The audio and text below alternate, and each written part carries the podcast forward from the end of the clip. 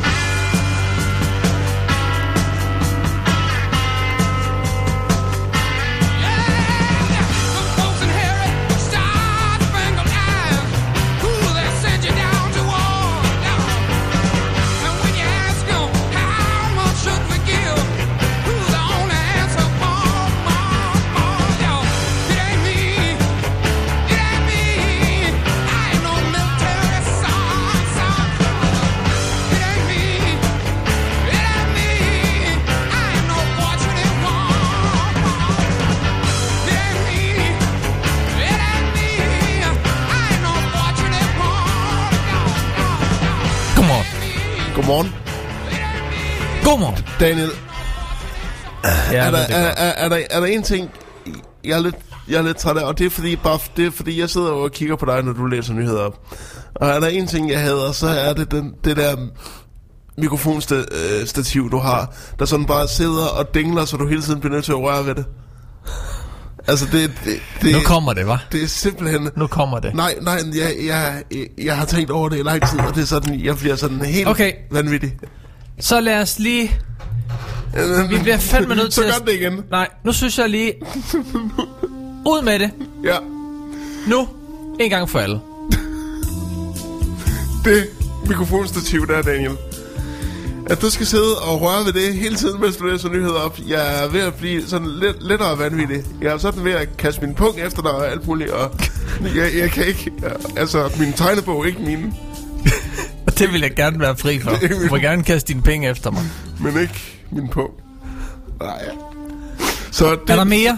Nej, nej, nej, det var, Jo, det, det der var er mere. Det. Jeg gider ikke det der nakkeri. Lige om lidt, så, så er der Okay. en anden ting. Så kom med det nu. Nej, nej, nej, nej, fordi så kan det være, der kommer noget næste næste gang. Der er ikke mere lige nu. Men Jeg, der skal ikke være noget næste gang. Det skal være, at vi skal, vi skal puste ud nu. Ja, Og så er vi gode venner bagefter. ja, okay. Så der, find en ting mere, du synes er fucking irriterende. Det Altså, kan simpelthen ikke passe. Jamen altså, jamen altså, jeg kan, okay, jamen altså, jeg kan, altså, vi, vi har jo også, altså, altså, nyhederne. Ikke? Nyhederne. Ja, Jeg, hvad er der med dem? jeg gør mit bedste for at korte dem ned til 150 ord per nyhed. Men så kan vi alligevel ikke nå 3 på 3 minutter. Skal jeg korte dem yderligere ned? Hvor meget skal Du jeg skal, korte dem ned? du skal ikke gøre dig til offeret her. Hvor, meget- hvor meget skal jeg... Jamen, det er det, jeg kan. Hvor, meget- hvor meget skal jeg korte dem ned? Før vi kan læse 3 op på 3 minutter. Og hvor, hvor mange ord har vi her, siger du? Okay, der er måske øh, mellem 150 og 170 per Den første var længst, den der med Britta Nielsen. Jamen, det var fordi, at jeg kunne simpelthen ikke korte den mere ned, uden at skære et eller andet livsnødvendigt af den. Man kan sige... Øh... Okay, hvis vi lige skal... Hvis vi skal skære lidt i sådan en, Ja. så kunne man måske have fjernet den nederste del, den der med opsummering af, hvad, hvad handlede det her egentlig om. Det ved Øh. folk, ja, det ved folk nok. Nu, nu har vi fattet, at hende der konten, hun har ikke kunne finde ud af at, at lade andre folks penge være i fred, og det skal hun have en dom for. og- Men det mest væsentlige i den her sag er jo, at nu bliver hun dømt, det gør hun den og den dato, og det er så og så mange nu er år, hun står til. Og nu er hendes børn dømt. Ja, det er Og- også ri- rimelig relevant. Men vi behøver ikke at få skåret det ud i pap, at Nej. der er en eller anden kont, der, st- der skal i retten for at have svindlet, øh, og, og hvordan og hvorledes det kommer til at se ud, eller hvad hun har gjort. Fordi det har vi hørt før. Nu ved vi godt, at Britta Nielsen er en lille svindlerkælling, der ikke kan lade andre folks, være, øh, folks penge være i fred. Der ikke kan lade andre folk være. Det kan hun heller ikke. Hvad hedder det? I øvrigt er det fantastisk, at, at et, et menneske som hende, at hendes børn, som også bliver sigtet for børneporno, det er sådan, Ja, men så, det er jo- som om det sådan ikke var slemt nok i forvejen, så skal vi så også lige smide børneporno ind i mixet. Det er sådan, ikke nok med, at vi tager penge for svage borgere, så smider vi også lige børneporno ind over. Det, det er i hatten, det er sådan, du. det er sådan the perfect storm. Nu manglede det også bare, at han havde været ond ved en hund, da han var lille. Så den Så, så, så sidder hele remouladekøbing bare og sidder... "Åh, Ja, fandme ikke pas. Kraftedeme. Det er godt nok med svindel og børneporno. hvis Kraftedeme ikke gør nogen dyr fortræd. Han er sikkert også, øh, de har sikkert også rejst med bus og tog uden at betale for billetten. Ja, og, og flymaskiner, som har bidraget til den globale opvarmning og alt ja. muligt. og prædiket over, hvor slemt miljøet står til. Ja, for helvede. Møgsvin. Så øh, til, øh, til hele, til hele Hayat-familien. til jer. Øhm, og Jeg I, gør, jeg gør bare sådan her. og I, Kan man høre det? nu, nu, nu, nu, nu peger Daniel meget, meget store fingre på her. Sådan lyder det, når man siger, "Næ, næ." så kan I fandme lære det. Ja, ja. Så jeg håber, at de får alle de ord, de er berettiget til. Nå, Jeg synes fandme, det er åndssvagt, at de står, at de kun, eller at Britta, hun max kan få 8 års fængsel ud af det her. Nå, ja. Hvor mange Jamen, milliarder er det, hun har svindet for? Prøv at høre, Daniel, du ved godt, med økonomisk kriminalitet, der er straffen ikke så stor. Fordi skaden er ikke så stor. Det bilder vi i hvert fald os selv ind. Så sådan er det. Øhm, er det en milliard? Nej, det, nej, nej, nej, nej, nej, nej, nej, det er 130 millioner eller sådan noget. Øh, Divideret med Nå, men hvad, hvad, hvad, hvad du nu til regn? Det vil sige, at hun betaler reelt set 162.500 kroner af per år, ja. hun sidder i spillet. Ja. Så, så, så nu ved vi, hvad... Ah, okay, det, det er okay. Så, så, nu ved vi, hvad, hvad, hvad det cirka er. Det er, så betaler Hvor- hvor hun mange- hvor- hvor- hvor 5.416 mange- kroner om Hvor, måneden. hvor mange gange skal du løbe op og ned af en fodboldbane, før du har tilbragt 8 år i fængslet? 5.416 gange. Det er så mange fodboldbaner. Om måneden. Det er simpelthen. Og hvor mange fodboldbaner er det? Det er fandme mange fodboldbaner. Nå, Daniel. Der skal vaskes mange tallerkener for øh, 130 millioner. Skal vi lige tage en dyb indånding, Ja. og så... Så blev der renset ud, hva'? Har det ikke også meget bedre lige nu? Ja, du har. Ja, jeg har det meget bedre. Ja, Øhm, jeg sidder herovre og skælver. ryster som et espenøv, gør du. Det er bare epi- epi- epilepsien. Øhm, hvad hedder det? øhm, Hvad Godmorgen. lavede- Godmorgen.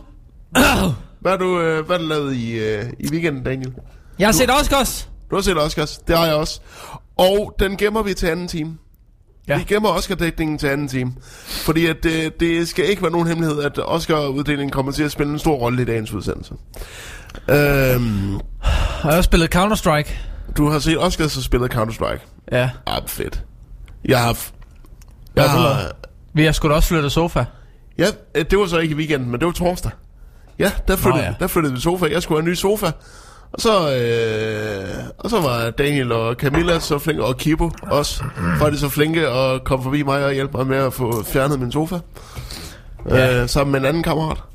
Øh, så jeg, er bare, jeg har bare indvidet min nye sofa hele weekenden. Malte, som han jo hedder, Ja. din kammerat. Skal Ja. du ikke lige sende ham en lille shout-out? Shout out til Malte. Det er også en af, det, han er også en af vores støtter på øh, Patreon, skulle jeg lige til sige, tier.dk.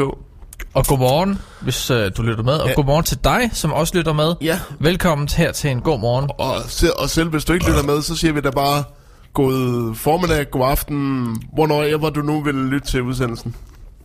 Og det kan du jo gøre som podcast. Den findes overalt. Den smider vi på lige så snart, at vi er ude her. Øh, men vi skal, øh, men vi skal snakke, vi har rigeligt, vi skal snakke om. Øh, først og fremmest vil jeg gerne lige tage en, øh, først vil jeg fortælle en historie.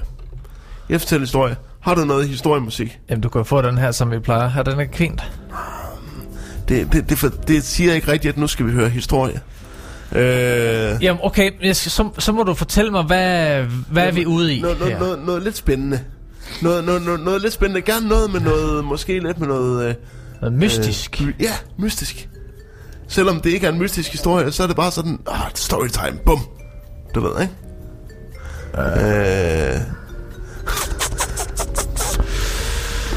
Uh, storytime. Så skal vi, øh, så skal vi måske herover i. Jeg har noget godt her. ja, Jeg har noget godt her. ja. Øhm, fordi Ja, ja, nu skal du se her. det, der er vigtigt, det er, at vi får sat stemningen, når jeg skal Ja, fortælle det her. nu kommer den. Nu kommer den. Ben. Ej, det er godt. Okay. I går, øhm, der skulle jeg til øh, jobsamtale. Og øhm, øh, så øh, tager jeg til Aarhus. Jeg har været op og set Oscars hele natten, så øh, jeg skulle sådan set gå direkte fra Oscar-uddelingen og så til toget til Aarhus, hvor jeg skulle til jobsamtale. Fordi jeg skulle være til jobsamtale 8.15. Jeg havde fået en indkaldelse, hvor der står indkaldelse 10. i anden kl. 8.15. I Aarhus. Ja. Okay. Så jeg, øh, så jeg gør det. Øh, jeg er træt. Øhm, og øh, hæftigt klædt på. Øh, godt klædt på. Og så øh, står jeg af øh, i Aarhus, øh, og jeg ved, at øh, der hvor jeg skal hen, det ligger cirka 300 meter fra stationen, så det er ikke så slemt. Jeg træder, jeg kører lige ud i verdens største regnby. Altså ikke bare en lille regnby, altså vidderligt stor Øv. regnby. regnby ikke? Den gør mig våd ind til benene på mindre end et minut. Der er jeg hammerne våd. Ej, for helvede. Jeg kommer ind. Altså, regnen pisker mod min armlæn på crosseren. Mudderet står op ad den. Det er noget helvedes noget, Daniel. Og vinden brusker simpelthen. Det var et helvede. Åh. Det var ren monsun. Øhm, og så øh, sker der så det, da jeg kommer hen på pladsen, at, øh, Så øh, jeg har en øh, aftale her, 8.15, jeg er der 8.05, jeg er punktlig. Øhm, og så siger de, øh, okay. Og øh, der er stadigvæk, der er ikke sådan rigtig sket noget, øh, da klokken blev 8.15. Så siger jeg, øh, kunne vi ikke lige, jeg har en aftale med den og den, kunne vi ikke lige finde ud af det? Jamen, har du, har du tjekket ind, bliver der så spurgt. Nej, det har jeg ikke. Og så virker check-in-systemet så heller ikke. Det var derfor, jeg ikke gjorde det. Øhm, og så får jeg så at vide, jamen, øh, der er desværre sket en fejl. Øh, det skulle først være næste mandag, du skal være til jobsamtale. Åh, hold kæft. Se, men så krævede jeg alligevel at snakke med lederen, så vi lige kunne snak- få snakket lidt om, hvad profil det her job egentlig krævede. Fordi hvis jeg så skulle til, hvis jeg kun er blevet indkaldt, fordi at jeg er handicappet, fordi visse jobs har fortrinsret for handicappet, så gider jeg altså ikke tage tilbage til Aarhus for at komme til en jobsamtale, hvor jeg alligevel ikke får jobbet. Ej, det kan jeg sgu godt forstå. Så jeg snakkede lidt med lederen, og vi blev enige om, at, øh, at det behøvede jeg sådan set ikke. Så Kæft, hvor er det langt. det var, det var min mandag. Så da jeg kom hjem klokken halv tolv i går, der var jeg træt, våd og vildlæggende Og sur. og sur. Ved du hvad, sur det kan jeg fandme godt forstå. helvede til. Hvor var det henne? Hvem var det? Øh, det var øh, Jobcenter Aarhus. Ja, selvfølgelig var det det. Ja, selvfølgelig var det Jobcenteret. Jobcenter Aarhus, I skal fandme bare lukke røven. I, be- det, det, det, Hvordan fanden er det, I og- behandler og, folk? Og, det, og det er også Høj. det. Fordi prøv at høre, man hører tit som jobsøgende, det handler om, at øh, du skal også gøre et godt indtryk til at starte med. Ja, det skal arbejdspladsen kraftede med os. Som for eksempel ja. at sende de rigtige indkaldelser ud. Ja. Jeg, jeg har fået indkaldelsen for en uge siden. Du kan ikke fortælle mig, at der ikke er en, der har kigget i den uge og tænkt, hov, det kan godt være, at vi lige har sagt noget forkert der, fordi det er jo vinterferie. Så får dog styr på jeres lort. Så det var, det var lige uh, storytime, children. Så bare lige husk, bare lige, bare lige dobbelttjek jeres aftaler. Ej, det er fandme... Det er fandme ikke i orden, sådan. Og med, øh, og med de ord, så synes jeg lige, vi skal have et nummer, som jeg tænkte meget på, da jeg kørte ud i monsunen. Vi skal nemlig have Creedence igen med Have You Ever Seen The Rain? Og det gjorde jeg. Jeg så regnen Gør det? mange gange. Hvordan sådan noget? Sådan her?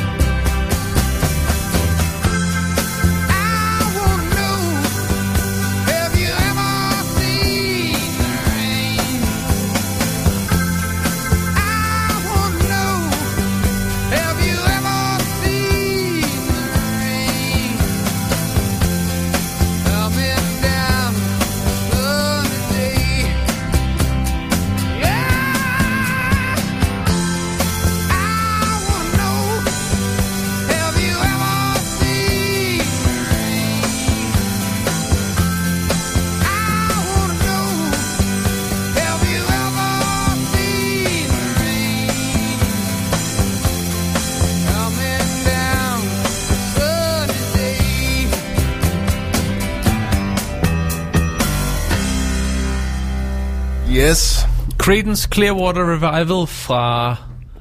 Det står der ikke, En men lille, det var... En, den er i hvert fald fra 60'erne. Ja. Øh, Have you ever seen the rain? En lille hilsen til mig, som så regnen i Aarhus i går. Øhm, men øhm, Ej, det er jeg sgu ked af at høre det der, Jamen, at, øh, at det var sådan. jeg var, jeg var også frygtelig ked af det, så der var ikke rigtig andet for end bare sådan at tage hjem og sidde lidt foran computeren og skyde lidt nazister, og så egentlig lige tænke lidt over, hvor nederen det hele er.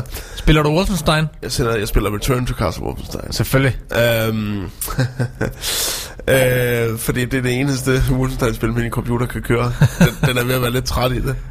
Men ved du hvad, det er også en klassiker. Det er det kraftede med. Øhm, men øhm, nu øh, skal vi jo øh, nu skal vi jo snakke lidt om om Rav Anders. Jeg synes vi skal snakke om Rav Anders til at starte med. Fordi at jeg har, det bliver vi nødt til. Jeg har brug for at komme i godt humør. Fordi jeg ved ikke om I kan huske i sidste uge. Der havde vi et lille klip med Umut og øh, og Rav Anders der var på Fyns hoved og, Ja. og samle af. Ja, du ved ikke? Hvor de havde fået en god bumkarl, inden de tog ud og ledte efter store klumper, som man siger. Øhm, så, øh, og så fandt, så fandt jeg ud af, han, det er jo ikke det eneste sted, ham her Rav Anders, han huserer. Han har sgu fået sin egen øh, udsendelse i tre afsnit på TV Midt Vest. Gud, er der tre afsnit? Ja. Jeg troede kun, der var et. Han er, øh, det er fordi, at det er kun det første, der er udkommet. Det, skal, det er mindre, der skal komme tre afsnit. Satans. På TV Midt Vest. Bare ud med det. Manden, han er fra Holstebro. Vi vil have Rav nu. Og han, øh, og han er jo en, øh, han er en selvproklameret nørd, som var meget, meget, meget, meget nervøs ved at stå foran kameraet. Men han elsker jo at snakke om rav. Så øh, jeg synes, at vi skal høre bare lige, bare lige lidt om, hvordan det kan lyde sådan, når han præsenterer sig selv. Her i det første afsnit. Så lige prøve at høre. Altså, er det, den, er det den seriøse, eller er Det er, den... den, det, er den, det er den rigtige. Okay. Det skal lige Det var ikke den, jeg havde, havde forberedt. Om den skal vi nok høre bagefter. Nu skal jeg lige se, hvad for en... Uh... Det er den allerøverste. Men det er bare et billede, jo. Jamen så... Den øverste, det, Det er er du skal fraklippet. læse, hvad, hvad står der under klippene, Daniel? Den første, det er fraklippet. Er det det? Nummer to, Ah, det kan ikke passe. den lyder sådan her. Nu, Okay. kom, nu kommer jeg. Jeg tror, det er den, faktisk. Vi skal lige have Midwest Media Player, den skal. Du kan gå et helt liv og kigge efter rav, uden at finde et eneste lille stykke. Enten så har lykken aldrig tilsmittet dig. Det er dog usandsynligt. Eller også, så har du ikke gået på det rette sted eller på det rette tidspunkt. At finde rav handler om erfaring, så det er bare med at få nogle kilometer i benene. Jeg vil påstå, at du kan blive så øvet, at du kan vælge din ture med omhu og altid komme hjem med et stykke rav. Her kommer nogle tips og tricks til, Uanset hvor hvordan du kan blive en rigtig god ravjæger. Og så får du forklaring på, hvorfor rav med rette bliver kaldt for Nordens guld. Okay. Så stop den der. Prøv at høre ham. Altså, der, der er jo ikke nogen tvivl om, at den her mand, han elsker rav. Og der er altså noget, der er altså noget lidt underholdende ved ham. Og han, og for, fordi det, man må sige, at han er, en, han er det, man kalder, i uh, medielingo er han det, man kalder en storyteller. Det vil sige, at han forsøger ligesom at få dig ind i historien via sit, via sit kropssprog, sin måde at tale på, sin måde at appellere til sine seere. Det, jeg synes er spændende ved Rav Anders, det er, at han kan formå at gøre noget, der er i manges øjne mm. så ligegyldigt mm. til at være noget helt exceptionelt spændende. Og det er jo det, nørder kan. Det er jo det, mange nørder kan. Det må man jo bare sige. Og det har han i hvert fald styr på, Rav Anders. Han har en fortællerteknik.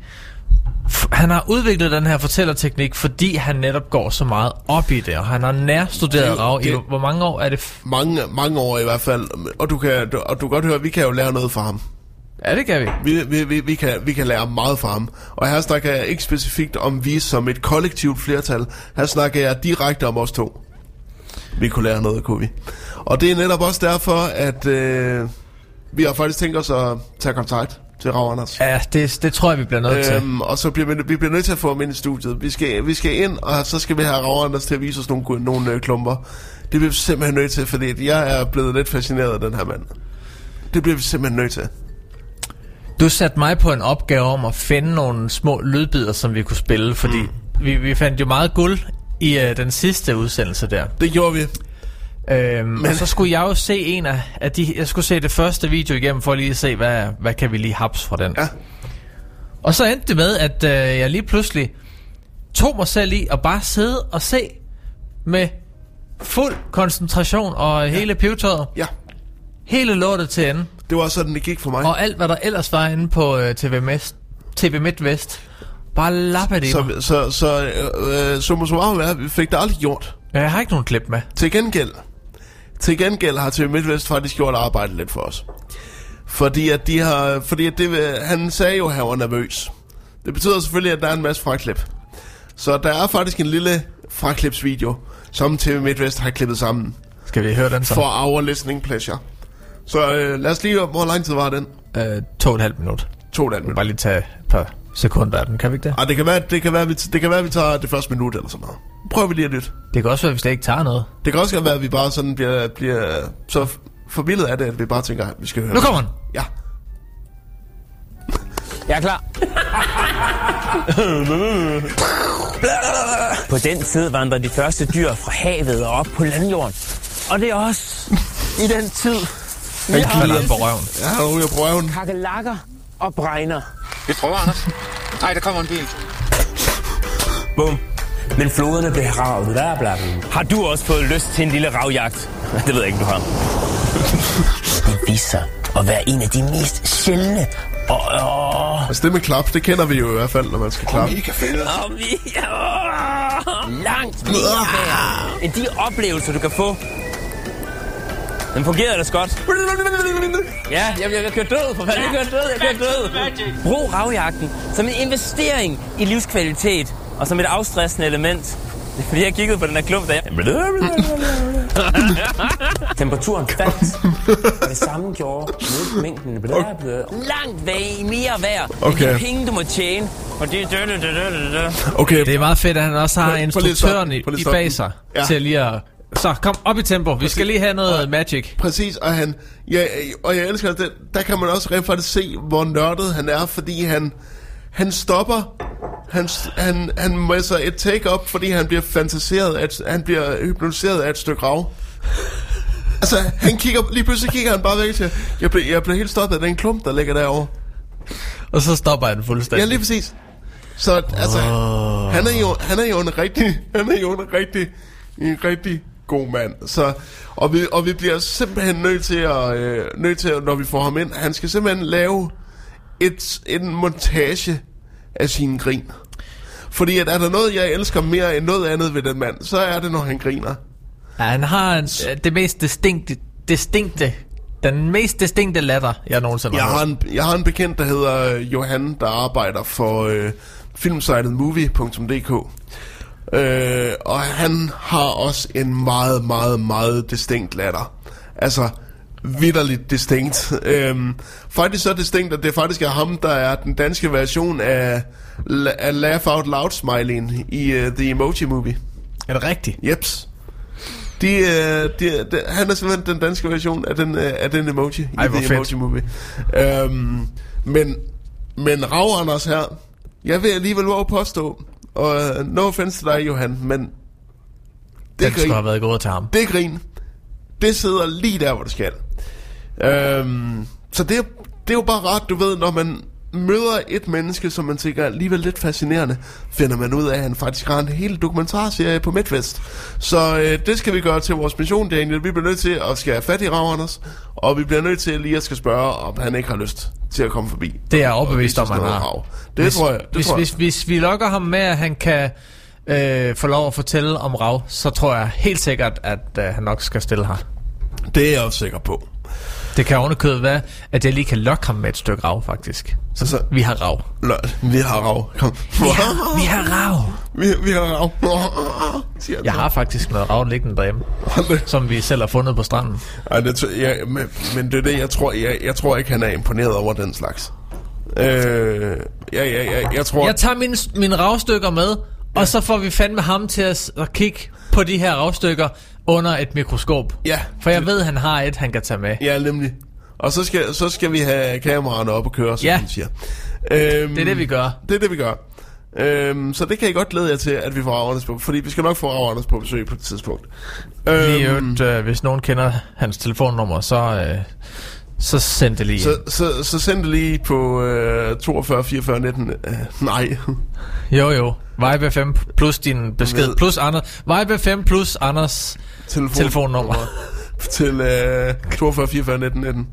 Øhm, men øhm, så, så øh, nu, nu har vi faktisk startet noget, som jeg ikke tror, vi kan stoppe, selv hvis vi gør det. Nu, nu går folk sådan rundt og prøver at få fat i Ravanders telefonnummer, folk kun har skaffet det til os. Det vælter ind med sms'er. ja, det kommer til at vælte ind. Altså, vi bliver begravet i det pis. Så mens vi øh, kæmper os igennem listen af, af, af, af telefonnumre til Anders, Ja. så øh, kan jeg jo lige nævne, at øh, du kan støtte En God Morgen og alle øvrige udsendelser af Vibe FM. Du kan støtte podcasten, du kan støtte programmerne herunder, du kan støtte os i vores mission om at gøre livet lidt bedre for dig. Ja. En tirsdag i gangen ved at gå ind på engodmorgen.dk eller Og, må, og måske sådan, du ved, altså hvis der lige pludselig ryger penge nok i kassen, så kan det jo være, at vi lige pludselig går hen og siger, hov, nu er det ikke kun en god tirsdag morgen, nu er det en god onsdag morgen, nu er det en god torsdag morgen, nu er det en god fredag morgen. uh, kan du høre det? Og jeg er også hængende i din, øh, i din øre fem dage om ugen. Forestil, forestil dig det. Hvad, hvad skal der til for, at vi kan gøre det her hver dag? Ja, det, er, det er dig, der har et overblik over pengene, så det er jo dig, der... Altså, vi får øh, minus procenterne, så nu har vi kørt 218 kroner ind. Ja,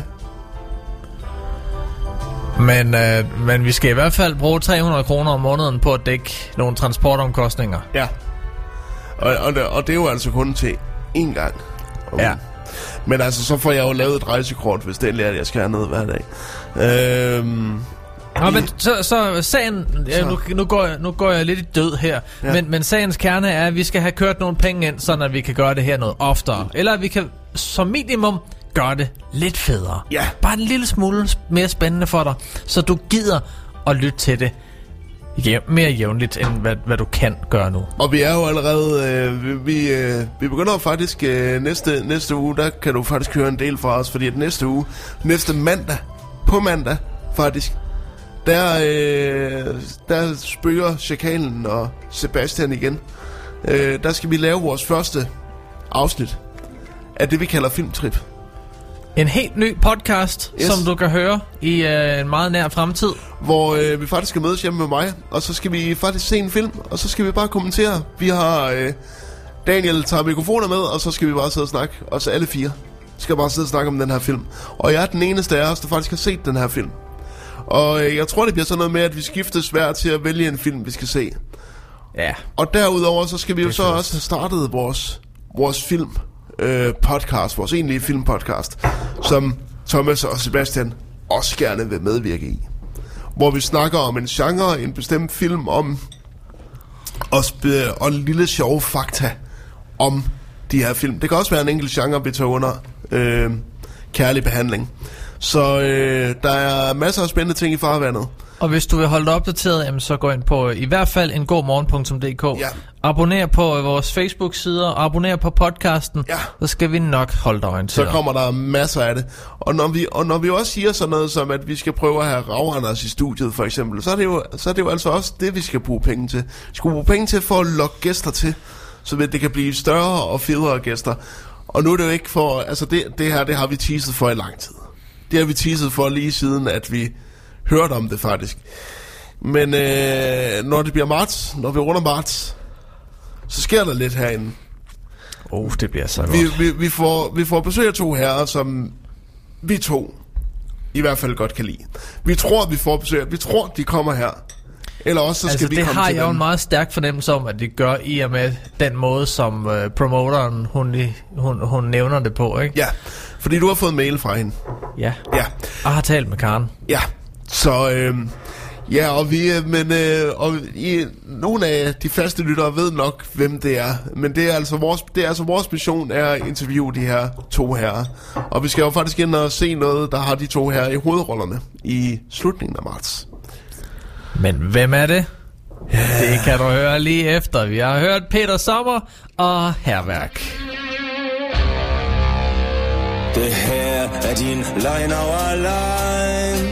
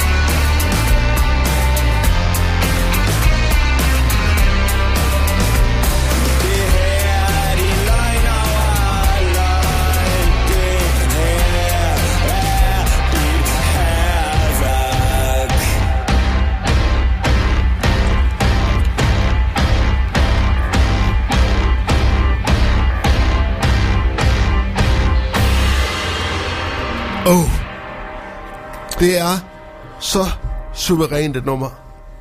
Kæft, jeg elsker det nummer. Hvorfor skulle vi høre det? Jamen, jeg elsker bare Peter Sommer. Er det det her, du ikke kan lide? Ja. Ja. Jamen, det er da heller ikke så underligt, den frygtelige lyd, det også giver nu. Men er Stop det bare fordi, du ikke kan lide... Du skal at jeg- ikke røre ved den mikrofon mere. Kan du stoppe? Puha. Men jeg er jo nødt til ligesom hvor at flytte den op til mine læber. Puh, hvor du Fordi grim. ellers så skal jeg sidde sådan her Puh, hvor du grim. Kan du gå væk? hele tiden. Men det er måske meget godt. Så kan jeg lige få Øh, løsnet min ryg lidt. Ja, men altså, altså de... Nu lovede vi, nu, nu, nu, lov, nu havde vi jo en cliffhanger, så bliver vi også nødt til at sige det. Rasmus Broen Ja. og Frederik Celius. Ja, Skulle vi gerne få et lille interview med her en gang i marts? Ja. Hvis det bliver i marts. hvem ved, hvem, hvem- ved, det kan være det, hvem, hvem ved, om det bare bliver et lille interview? Det kan være, at de har lyst til at sidde med under hele udsendelsen. Åh, oh, det kunne da være meget hyggeligt. Det kunne være pissehyggeligt, eller i hvert fald måske den første time bare. Øh, men vi ved det ikke endnu. Vi ved i hvert fald, at øh, Vi, vi har en aftale vi om ved, et eller andet. Vi ved i hvert fald på en eller anden måde, så er vi kommet med i deres, øh, i deres hvad hedder det, øh, pressetur. På en eller anden måde. ja, vi venter Øhm. bare lige på at høre, hvad, hvordan og hvorledes det kan Præcis. strikkes sammen. Præcis. Så øhm, det er det. Så det er den rigtig store ting, der sker i marts. Øhm, Hvad I- sker der ellers i marts? nå jo, der skal vi, der skal vi skal ind og se sommeren på Birkedø jo. Så det bliver Det er jo i den forbindelse, selvfølgelig. Så, så det bliver spændende. Vi, vi skal jo ind og se øh, øh, Frederik Silus og Rasmus Bruns øh, forestilling Sommeren på Birkedø, som jo øh, er Rasmus Brun og Kirsten Birgit, der er gået i eksil på øh, Kirsten Birgits øh, fars ø, som han vandt i et spil Morsel for mange, mange år siden. Øhm, det glæder vi os meget til at se. Øhm, så det er jo i den forbindelse, vi skal interviewe dem, men vi ved jo så ikke, om det bliver før eller efter, vi selv har set forestillingen. Jeg tror, det bliver efter. Ja, jamen det tror jeg også, det gør. Øhm, det vil også være bedst, fordi ellers så kommer de jo til at sidde og spoil. Ja. Og så kan vi ikke høre halvdelen af, hvad de siger, fordi de ikke må spoil. Men så er det jo... Så, Men vi kan jo lige så godt vide det. så siger de jo, men vi kan lige så godt vide det, fordi... Sådan er det jo bare. Øhm, men ja, øhm, nu skal jeg lige, jeg skal lige se, fordi øh, på mit virtuelle stykke papir her, hvad vi ellers har. Øh, nå ja, Hvad vi har i marts, eller nej, øh, hvad vi har i programmet for helvede. i dag? Ja, nu, nu, nu skal Har vi noget? Nu skal vi... Kan vi finde noget? Har vi noget? Har vi noget? Snakker med det mest strukturerede menneske. Ellers så har jeg mit termometer med igen i dag. Skal vi... Og det kan godt være, at vi lige skal tage, vi skal tage temperaturen på nationen. Ja, Øh, det skal vi. det, det, gør vi lige, øh, det gør vi lige efter, jeg lige har, har snakket om det her. Fordi det var altså simpelthen en artikel, jeg bliver nødt til at have med. Og det er, at et gammelt massageapparat er blevet indleveret til Vestsjællandsk Museum. Okay. Nu skal jeg høre. Ja. Øhm, for, Jeg er lutter ører nu skal jeg. Gamle, gammelt vibrerende apparat indleveret til genbrug, hvis det ikke, hvad det skulle bruges til. Øhm, søndag åbnede en udstilling på Odsherred Museum om alternativ behandling og kvaksalveri gennem tiden. Her kan man blandt andet opleve et mere end 100 år gammelt massageapparat. og nu skal jeg prøve at høre, hvad, hvad museumsinspektøren siger. Det er en autovibrator, et massageapparat til både indvendig og udvendig brug. Indvendig brug. Så det er også en dildo. Det er ikke bare en, et Det er en massageapparat. 100 år gammel dildo. Og han fortæller, at det vibrerende objekt var et sandt hit i 1903, da der blev optaget patent på det. Det var særligt, Okay. det var særligt blandt kvinder, at apparatet blev et hit. De særlige vibrationer kunne øge blodtilstrømningen og give kinderne en sund kulør. Og så kunne det jo også noget andet sikkert. Uh, ja, og nu skal du prøve at høre. Det var jo noget, og nu, og det var den danske massagelæge Johannes Christian Johansen, der opfandt apparatet. Og selvom det også blev lanceret som effektivt mod hovedbundspændinger, så var han særlig interesseret i at afhjælpe det, der i samtiden blev kaldt for, og nu skal vi lige have øh, gåsøjnen op, kvindeligt hy- hysteri.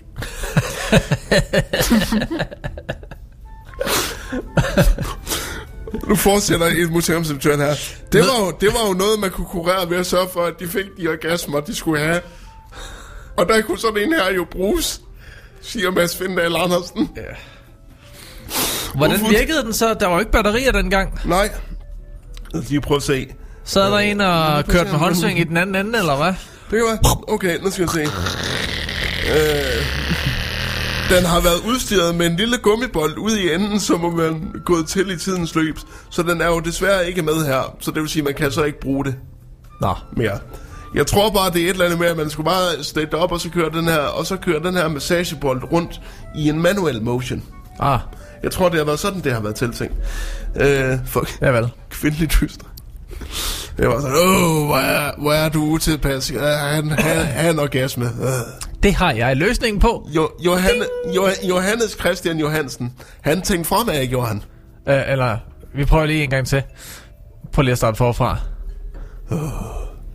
Du, åh, som du hyster. Du skal bare have en... en Det har jeg en løsning på. Forestil dig en uh, 100 år gammel dildo i Ja, uh, frontbilledet med store stjerner og, uh, og, Ja. og lysstråler bagved. Og lysstråler. Hvorfor lysstråler? Du, du kan forestille dig Nå, sådan dildo på skærmen nå, nå, med, nå, med sådan- lysstråler, eller en sol bagved, der ligesom drejer rundt i baggrunden. Sådan en, sådan en heavenly glow. Ja, Ja. Og det var det, jeg prøvede at sige. Men jeg synes også bare, det er sådan, du det skulle bruges til kvindeligt hysteri. det er jo det. Og det er meget, det er meget vigtigt at få de gåsøjne med, skal jeg jo lige siges. Um, og det gjorde jo faktisk, at da han havde opfundet det her, der flyttede ham her lægen, Christian øh, Johansen, faktisk til øh, London i 1911 for at udvide forretningen. Så det blev en, sgu en, øh, en populær opfindelse, det her massageapparat. Og som museumsinspektøren siger som det sidste, jeg tror, han har haft en god tilværelse i London. det har han. Det tror jeg også. Uden Med, tvivl. med alle de kvinder, han kunne give orgasmer, der er jeg sikker på, at han har haft det rigtig skægt. Øhm, men Det smager bedre end fis. Han har haft det godt, ja, og han har tjent en masse penge. ja, lige præcis. Hold kæft, mand. Det er lidt ligesom Huey Hefner. Hugh Hefner. Huey. Du kaldte om Huey? Lille Huey. Ja, ja, ja. Men du tænker Huey Lewis Ja, ja, men Lewis. uh, we go way back. And we go way back. Jeg kalder ham altid Huey. Okay, Og han, så griner han hver gang. siger han så. Øh, ham og hans news. Så griner vi så. Men, men, øh, men ja, øh, så hvis du er interesseret, så kom massageapparatet. Altså oprindeligt fra Danmark, opfundet af, omfundet af en dansk massagelæge. Et apparat med en lille gummibold ude i enden, øh, som blev opereret manuelt. Der er ikke noget set bedre siden uh, Øh, men, øh, den der ølkøler, man sænker ned i jorden. Nå nej. Øh, Pilsner skal være jord. Pilsner skal være jordkølet, forstår du nok. Øhm, men øh, fra, øh, fra massageapparat og dildoer med lysstråler ud, så lad os lige tage pulsen på nationen. Lad os fatte termometret og stikke det langt op i nationen, til det nærmest ikke kan komme længere. Ja, og nu skal du høre her. Ja, Politikerne taler jo igen om, at der skal være en fast forbindelse over Kattegat. ja. Det vil koste sådan cirka 58 til øh, 136 milliarder kroner. Ja, som en lille grev i lommen. ja. Afhængig af, om forbindelsen skal være med eller uden tog. Det er der mange, der er enige i. Bedre infrastruktur i Danmark, tak, skriver Sebastian H., der har fået 63 likes. Ja, fordi det kan folk godt lide. Bedre infrastruktur. Snowball er også enig. Naturligvis skal vi have en bro, så kan vi få lukket Molslinjen en gang for alle. Åndsbolle. Ånd, åndsbolle. Og Super Goof, han er på banen med en kommentar. Åh oh, nej, kaffen på Molslinjen er jo faktisk ret god. Kan vi ikke få en bro, som går i modsat retning af København? Så lad os komme væk fra de skiderikker. Det var Kim S. Åh, Gud. Fy for pokker, skriver. Broer over det hele. En til Sverige fra Nordjylland og midtvejs ude i Kattegat. Lav et venstre sving op til Oslo. Og sidst men ikke mindst en bro mellem Esbjerg og Harvik. Så skulle vi være dækket ind. Hvad mindre vi også lige skal have en bro op til Færøerne. Og Peter P. han er klar. Og for resten en til New Zealand. Så er Jeanette. P- P- Peter P. Han, er, han, han, han ved, hvordan verden ser ud, når han siger det. Jeanette er, hun øh, undrer sig. Er det derfor, vores feriepenge er blevet indfrosset? Jens L. Alle muslimer ud af Danmark. så, så kan vi bygge mange broer til gratis afbenyttelse. Jeffrey Epstein didn't kill himself, siger. Om så der var minus antal muslimer, ville staten flå dig. Man vidste, man vidste, at den kom. Og, og, og det, det, det, det, det her indslag, det er så godt til. Fordi det startede jo ganske stille og roligt ud, men nu er vi bare gået direkte over. Alle muslimer ud af Danmark. Bum. Det, Alt det, kører, det kører med 8 km i timen ja. I sådan cirka 50 meter, og så er det bare 1000 km derudad, og direkte af sporet. Åh, er der, er, er der mere? Thomas Christensen siger ja til en ny bro, og pil den gamle ned. Den er jo betalt hjem. Ja. Jan A. Hvad tænker du dog på? Storbæltsbroen, forsyningsselskaberne og tobakken er statens mest givtige malkekøer. Smålnet er enig. Ja. Og fartbøder. Ja, og fartbøder. Og, og, og, og, og dermed tror jeg, at vi bliver nødt til at lukke nationen. Nej, Nej, den er næsten slut. okay. Kan vi ikke sælge Sjælland meget, meget billigt til Sverige, og så spare den bro? Så dumme er svenskerne ikke. De har lært noget af postmor. Ildus spørger, hvor vil I så sende alle jeres tabere hen? Dem har I jo fået, siger Flemming Kruse. Så det behøver du ikke tænke på. Død og pine siger, skulle også lige til at skrive, at det er jo dem, vi kalder sjællænderne. Det er de, det er de eneste ender, der er fri jagt på året rundt.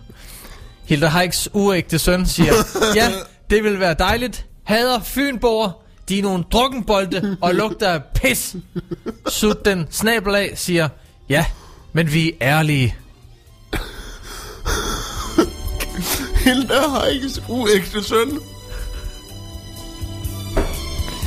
Åh, oh, for Det hedder han. Ja, selvfølgelig. Og for... Det ja. var... Der tog vi altså lige temperaturen på nationen endnu en gang. Og øh, bare rolig. Det kommer igen næste uge, for det er næsten for godt til at være sandt. Ja, men sådan er det jo bare. Ja. Altså, Jamen, det er det. Hvis, hvis vi mangler noget indhold, så Nå, men nu, nu er det vores egen skyld. det, det, der er så smukt ved det indslag, det er jo, at nu er det jo blevet fast inventar. Nu er det jo blevet fast inventar. Øhm, men øh, Og så, dermed der er klokken blevet 8.51. øh, jeg, kan, jeg kan lige lægge ud, inden vi skal høre et, øh, et sidste musiknummer inden toppen af timen. Øh, det er jo, at... Øh, jeg ved ikke, om du kan huske, Daniel. En gang var der et band. Et, et punk, garage, vildt politisk heavy band, der hed Rage Against the Machine. Jo. Det kan jeg godt huske. De, skulle, de bliver sgu gendannet, du. Er det rigtigt? Og de tager på verdensturné. I hørte rigtigt, og I hørte det her først. Rage Against the Machine tager på verdensturné. Det vildeste politiske band, der nogensinde har været, tager på fucking verdensturné. Desværre kommer de ikke forbi Danmark. Men de kommer til Tyskland, og de kommer til England, og de kommer til Irland. Det er da sjovt, de ikke lige runder Danmark så. Ja, men Fordi så langt fra Tyskland ligger det altså heller ikke. det er også det, men øh, du ved, det er, der er nogle danske bookere, der, der er for nederen. Øh, De er for dyre. det er for dyrt. Det er også moms og det hele, og vi har ikke penge til det. Men prøv at høre.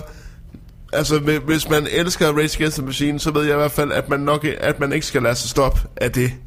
Fordi jeg vil med glæde tage til England for at høre øh, Rage Against the Machine. Så kan det jo være, at man kan høre et nummer som Killing in the Name. Ja, nemlig.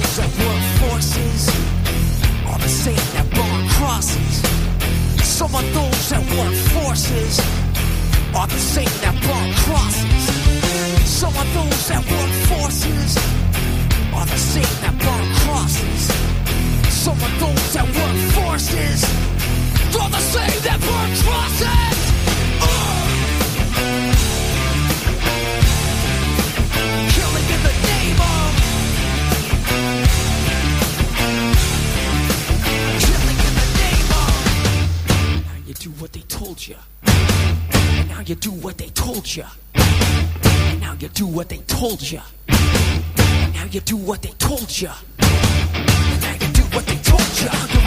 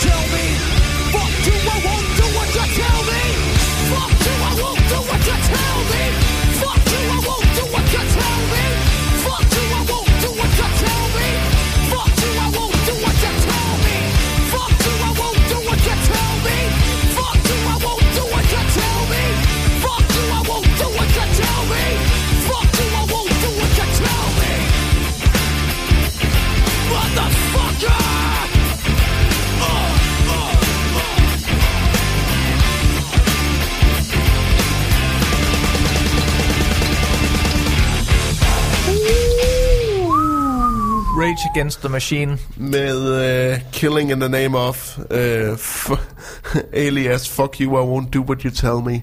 Den er fra Øhm, 2000, den her. Ja, det Sådan er... cirka. Ja, altså, altså, ja, altså, videoen er, men, øh, men sangen er fra 93. Nå, okay. Sangen er fra 93. 93 92 eller 93 for deres første album, som bare hed Rage Against the Machine.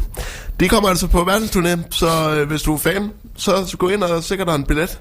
Øhm, du kan finde billetlink ind på GAFA, blandt andet. I fired my boss after listening to this. this song makes me want to read the terms and conditions and then decline. ja, lige præcis.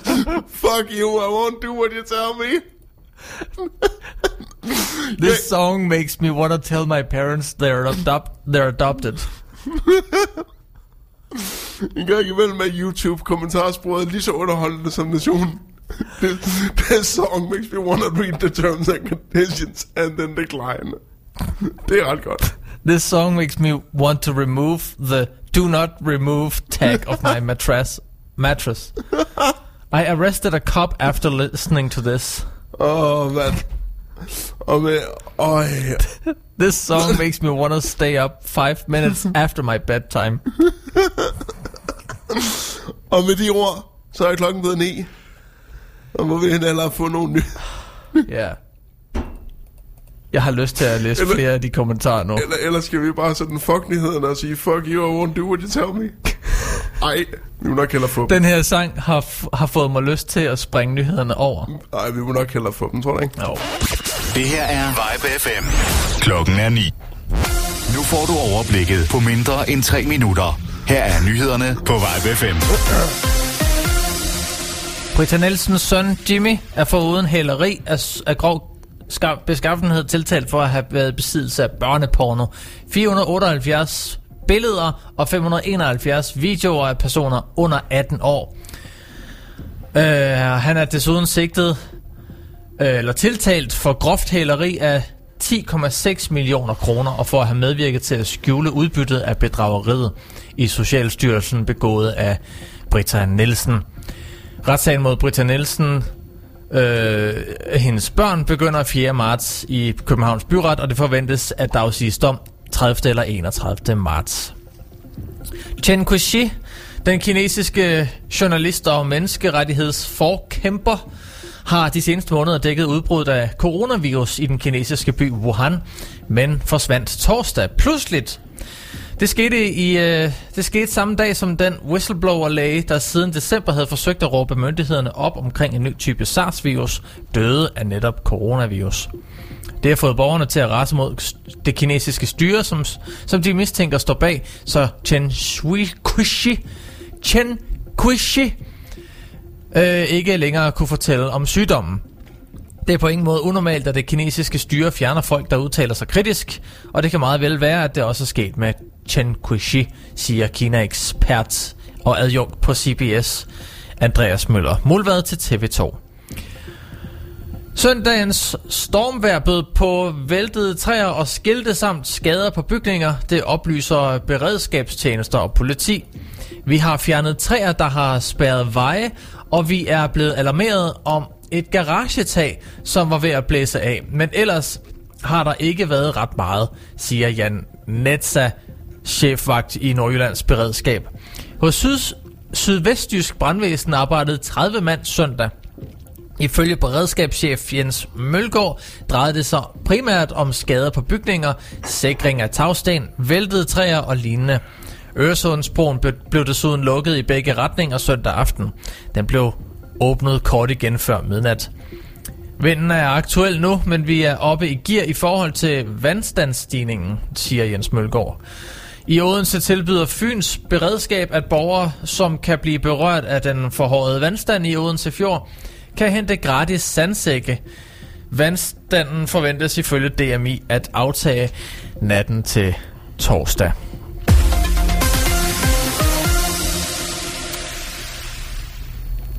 Okay. Der var ikke noget værd. Nej. Nej. Og det, det var vejrudsigten, Der, der, der, der sagde Tinklen også lige, fuck you, I won't do what you tell me. Så vores, vores system er simpelthen også blevet påvirket af Rage Against the Machine. Den sang, den har simpelthen givet Men- playlisten men- lyst til at skifte vejrudsigten. Men altså, for at være ærlig, så var det godt nok også en ringe ud opsat øh, vejrudsigt fra DMI's side, som du selv sagde. Ja, jeg kan godt tage den, hvis det er. Det er ikke noget problem. Så lad os tage den. Fortsat blæsende. Vinden tiltager igen til frisk vind til cooling. Det er altså en mærkelig sætning. Tiltager igen til frisk vind til cooling fra sydvest og vest. Stedvis med kraftige vindstød. Temperaturen er op omkring 5 grader i aften og i nat. Blæsende vind til cooling fra sydvest og vest med kraftige vindstød. Shit. Vi prøver lige. Ja. I aften og i nat blæsende vind til cooling fra sydvest og vest med kraftige vindstød. Sådan Fortsat en del byer til dels med havl eller slud og temperaturer mellem 1 og 4 graders der. Jeg varme. går til motorik.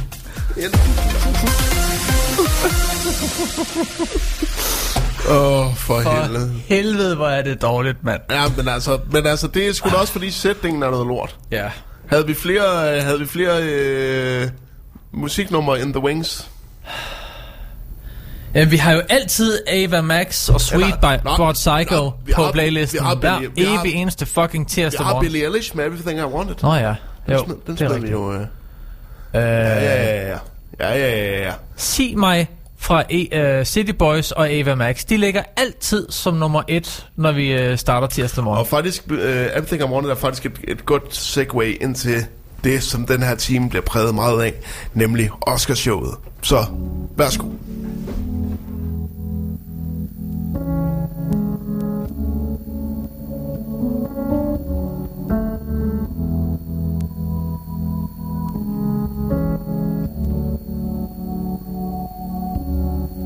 I had a dream. I got everything I want. Not what you think. And if I'm being honest, it might have been a nightmare to anyone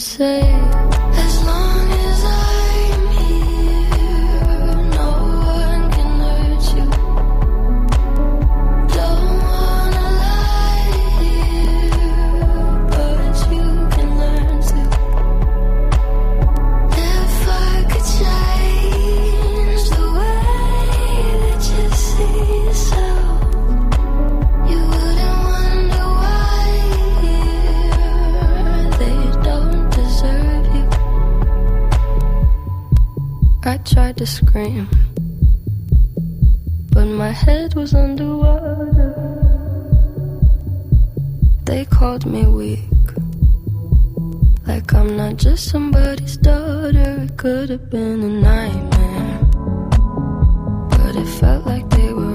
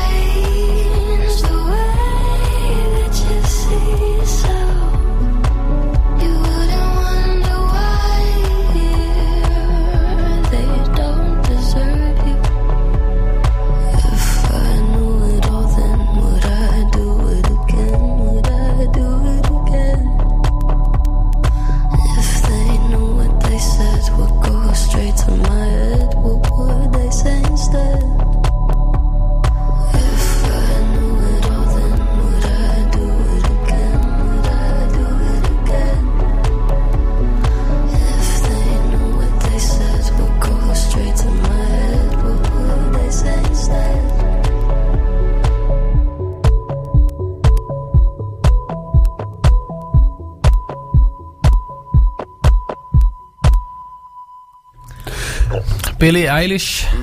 Eller Eilish. Every, Elish. Eilish. Everything I Wanted. Øhm, og øh, den her time kommer altså til at stå i filmens tegn. Fordi at før vi går i kødet på øh, søndagens Oscar-uddeling, så skal vi have det sædvanlige indslag. For det er nemlig blevet tid til En, en filmanmeldelse.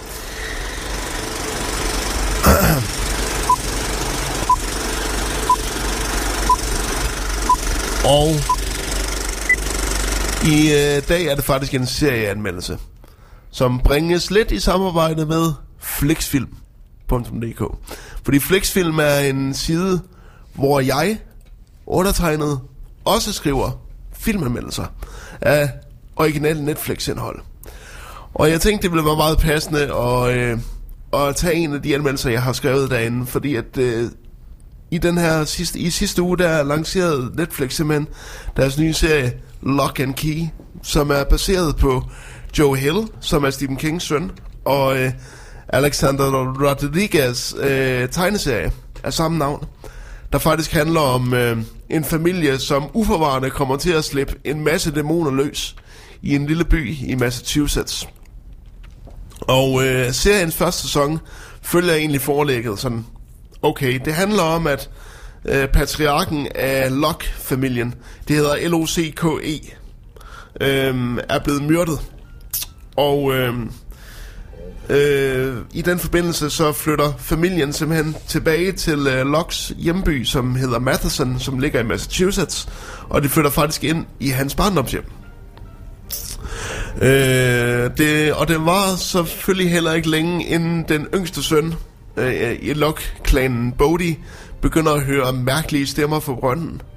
Og han finder faktisk ud med, at hun som, øh, at den her ting, der er i brønden, at det er en dæmon, som Bodhi får sluppet løs.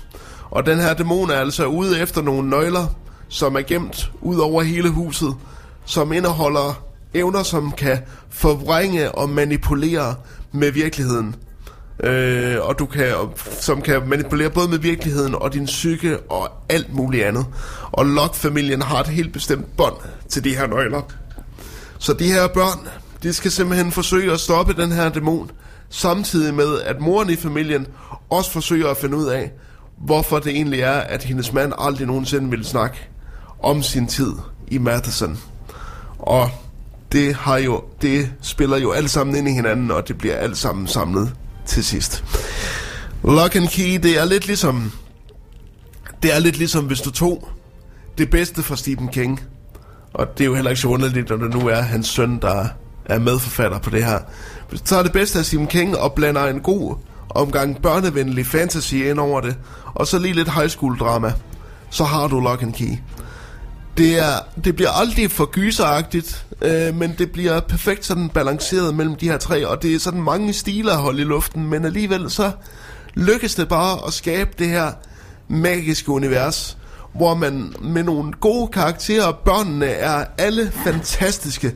Det er simpelthen nogle børn, du bare øh, gerne vil se øh, klare skærene, og... Øh, og i øvrigt er det noget af det, ja, er det bare noget af det bedste børneskuespil, jeg har set i rigtig, rigtig øh, lang tid.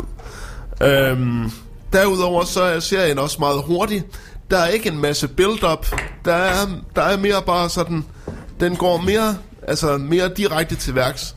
Og for, forsøger ligesom at suge dig ind i historien med det samme, frem for at give dig lange baghistorier om, at nu skal vi lige have øh, historien bag det. Og det er både styrken og den svaghed. I, fordi i og med, at, det, en, at det går så stærkt, så bliver den lige en gang, en gang imellem nødt til at stoppe op og lige forklare en masse. Og det ødelægger lidt tempoet på serien. Fordi at den ikke rigtig kan fortælle, øh, den kan ikke rigtig fortælle det i samme tempo, som den egentlig gerne vil, øh, vil fremskyde plottet. Så hver gang man får noget baggrund, så kommer det til at, skal vi sige, at røre lidt ved seriens pacing, så man lige bliver ja, forhastet lidt til at lege lidt med sin mobiltelefon. Men på trods af det, så er Lock and Key en fantastisk underholdende, men ikke altid lige, lige stabil øh, horror, fantasy, high school ungdomsserie. Det er noget, kort sagt, til hele familien. Jeg vil sige fra, ja, fra 12 år, kan du i hvert fald, kan du i hvert fald sagtens have børnene med til at se den. Så øh, jeg vil øh, give Lock and Key min varmeste anbefaling og kvittere med 4 ud af 6 kørestol. Sådan, sådan. Det er jo topkarakter. Og der, Næsten. Ja, altså, vi er i hvert fald over i det gode, fordi altså, det er, det, og det er en serie, jeg virkelig ønsker, at der kommer en anden sæson af, fordi jeg kan virkelig godt lide de karakterer her. Der er noget kød på dem, og, det, og de er interessante, og de er ikke, du ved, de er ikke de typiske børnekarakterer, du ved. Jo, Bodhi er sådan lidt, jo, du ved, han er lidt special, fordi han er den mindste og sådan noget, men den prøver at undgå alle de der andre klichéer og sådan, og så også prøver sådan, og samtidig skal de også prøve at skabe sig et liv i den her by, så det, det er bare en rigtig god blanding, så se den. Se den. Hvor lang er den? 10 afsnit. Okay. 10 afsnit er cirka 45 minutters varighed. Så er der kød på. Så du kan, så du kan jo faktisk binde den i løbet af en dag. Det var Øh, ordene. Så øh, se Lock and Key.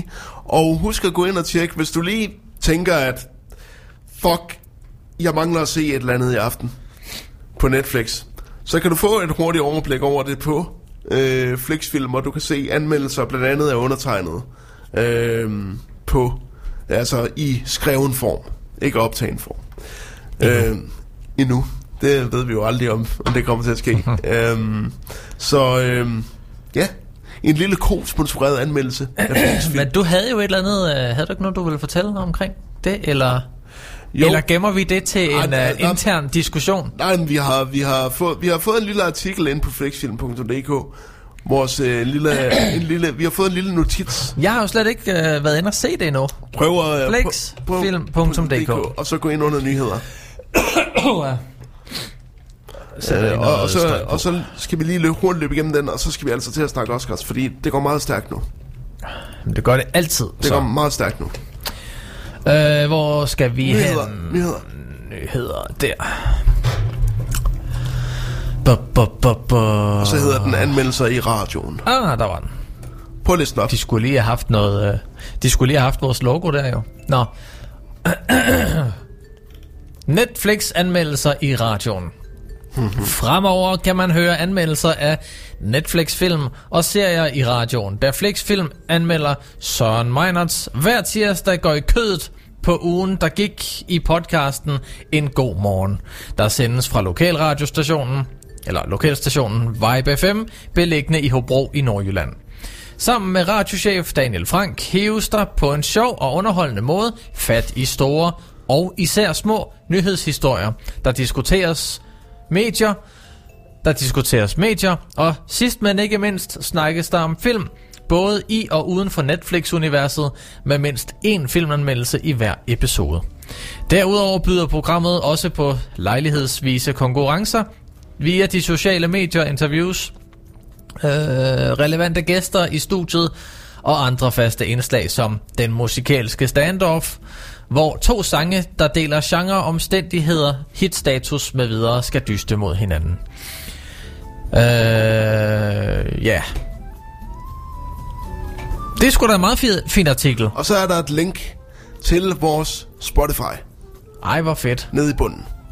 Så øh, vi, er, vi, vi er vi er kommet derud. Er Du det, tror, ikke? er det? Ja, ja, den er fandme ved at være der. Du tror ikke, vi kunne lade komme til at linke til, øh, til, til hjemmesiden også? Måske op i link, der hvor der står en god morgen, og man kan trykke på det. Det vil være rigtig god for vores SEO jo. Jeg kan prøve, jeg kan prøve at spørge. Og god for hans SEO. Jeg kan prøve at spørge.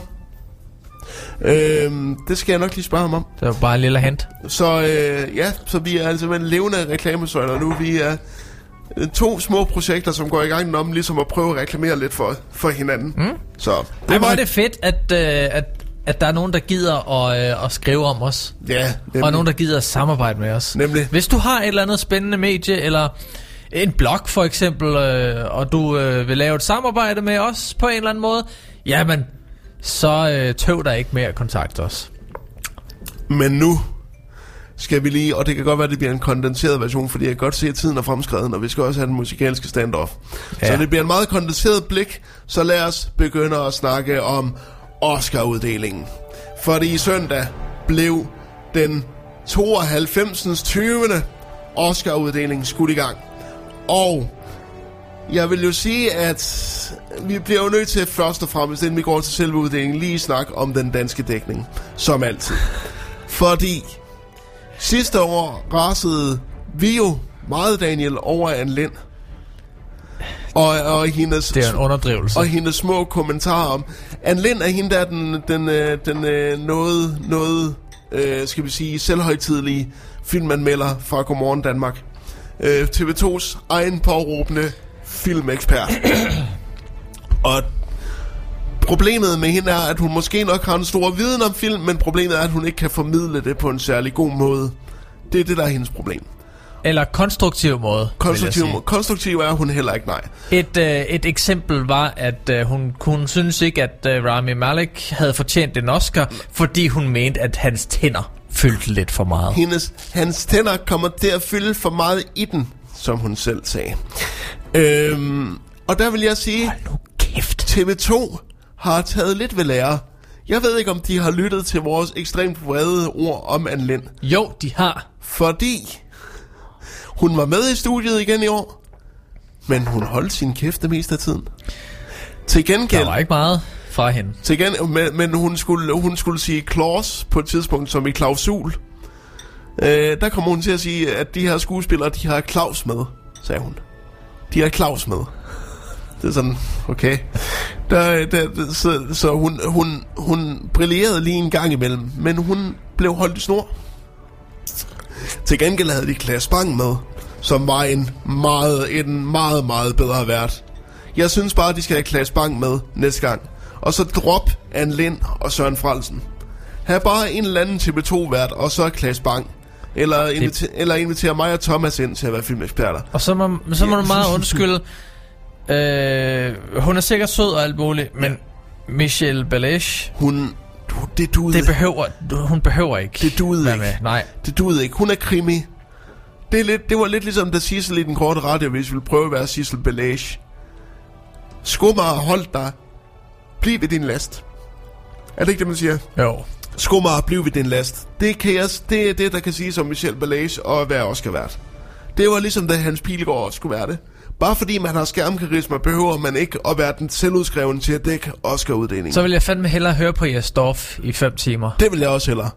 Eller også skulle øh, Jesper Steinmetz bare have, have været der hele tiden. Det ikke? kamera skal bare stå på den mand fra Fordi den røde løber bliver rullet ud, og til de hiver tæppet væk under dem alle sammen Jesper igen. Steinmetz er god.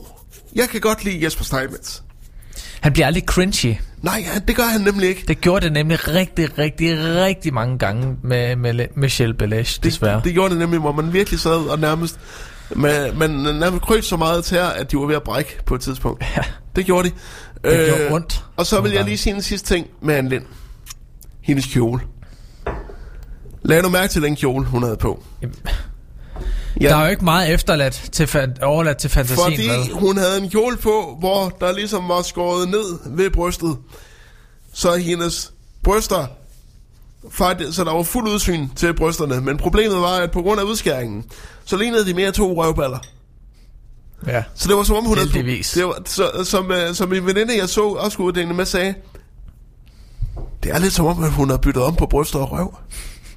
Så hun har sat brysterne om på bagdelen. Prøv at forestille det.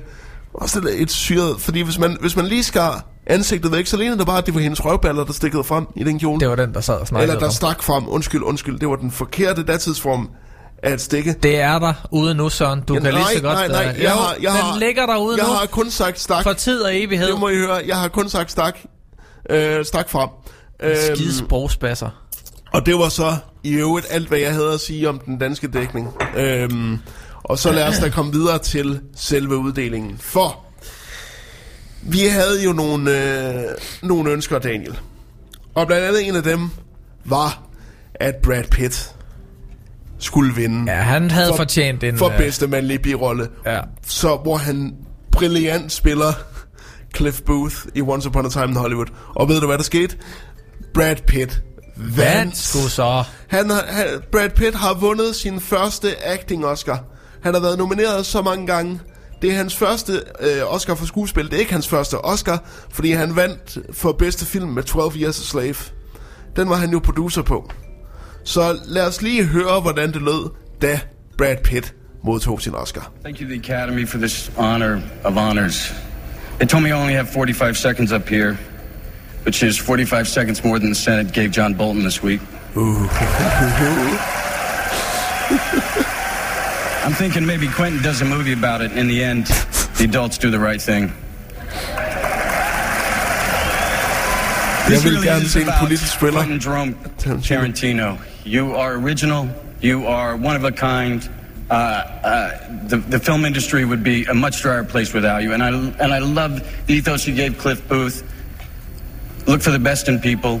Expect the worst, but look for the best. Leo, I'll ride on your coattails any day, man. the view's fantastic.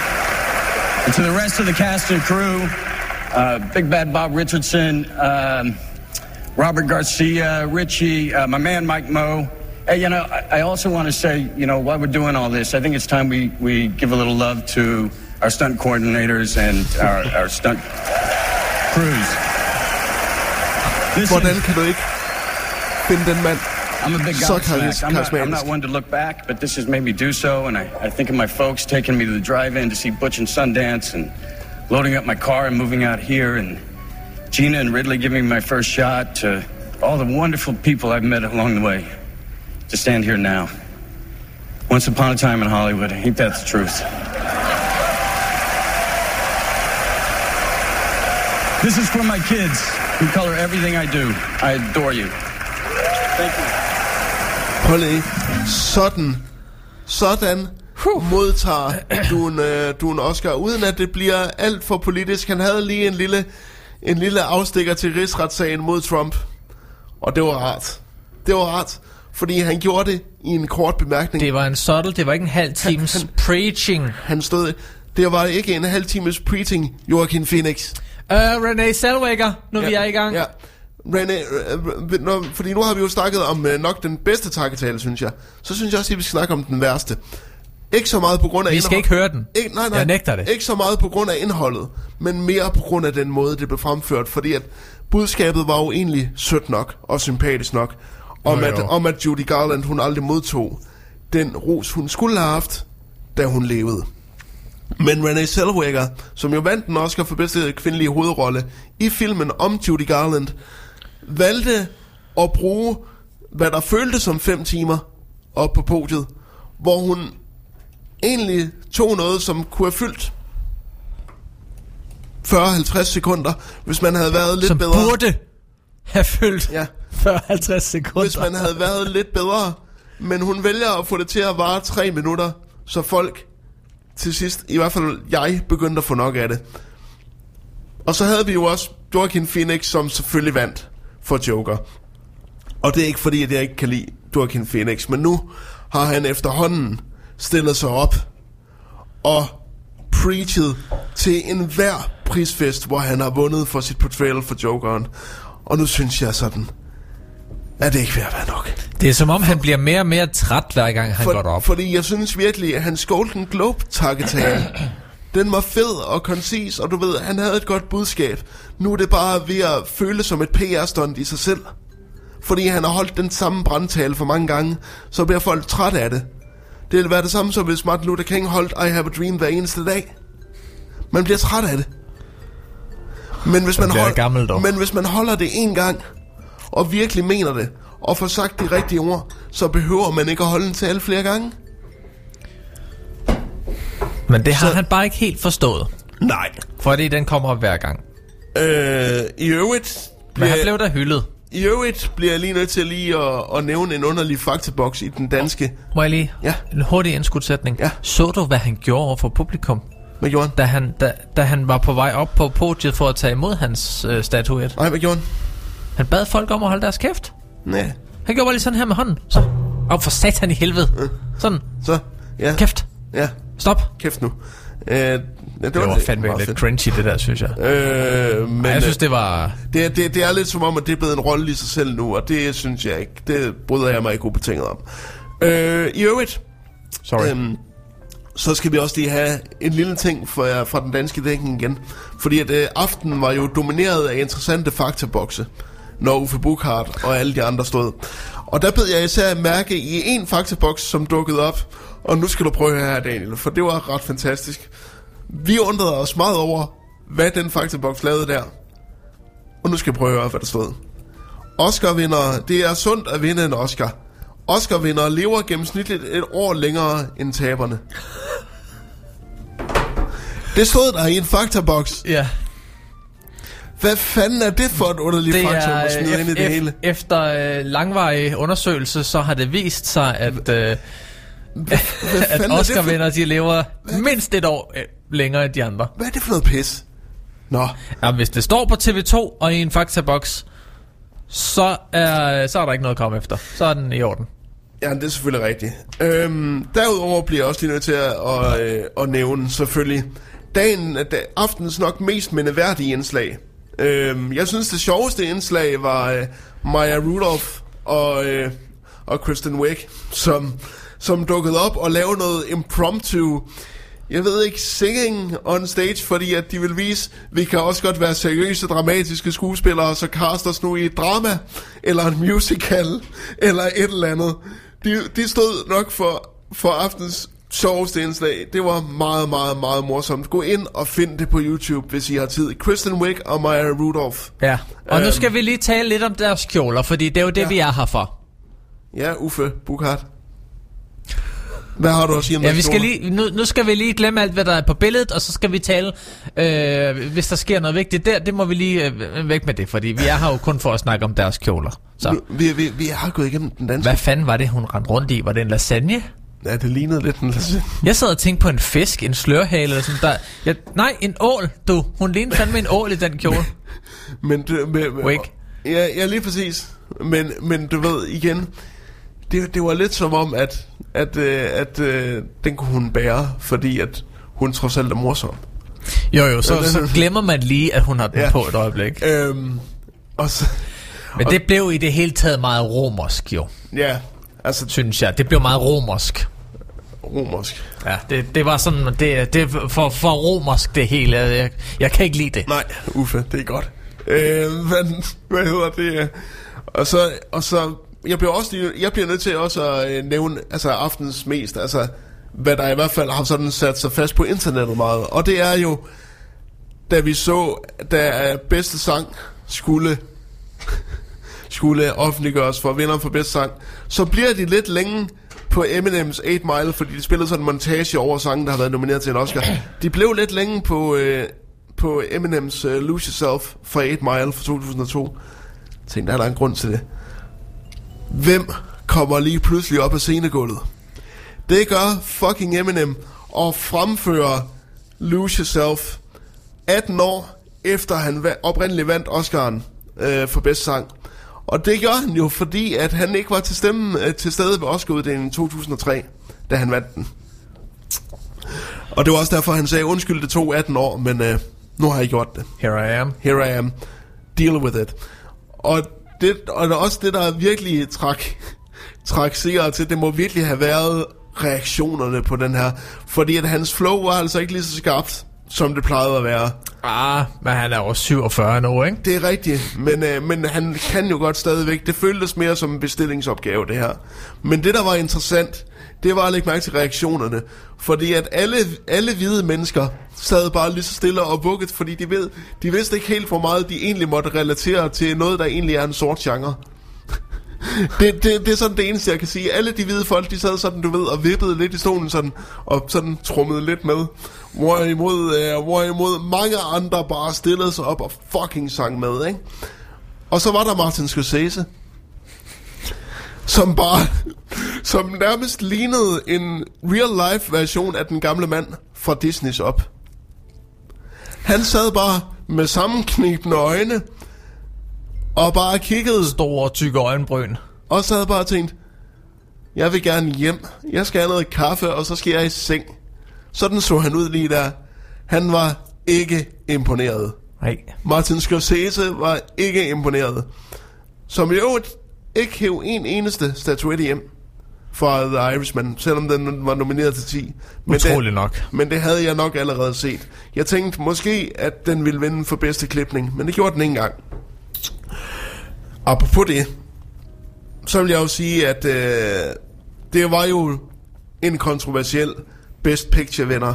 Det blev jo nemlig, ikke som jeg havde forudset, 1917, men det blev sgu den koreanske Parasite, Ja. som jo faktisk i øvrigt tog alle de store, den tog alle de store priser.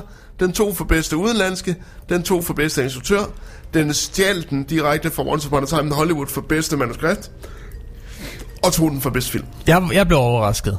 Det gjorde jeg også. Og jeg, selvom jeg ikke synes, at Parasite i, efter min optik var øh, årets bedste film, så kan jeg stadig ikke være helt sur over, at den gjorde det, fordi at Parasite er en rigtig, rigtig, rigtig god film. På den har 99% på Rotten Tomatoes. Det har den. Altså det her, det var bare the perfect storm af en koreansk film, som blev hyldet af både kritikere, og den har faktisk indspillet næsten 50 millioner ind på the box office. Det er altså meget for en sydkoreansk film. Ja.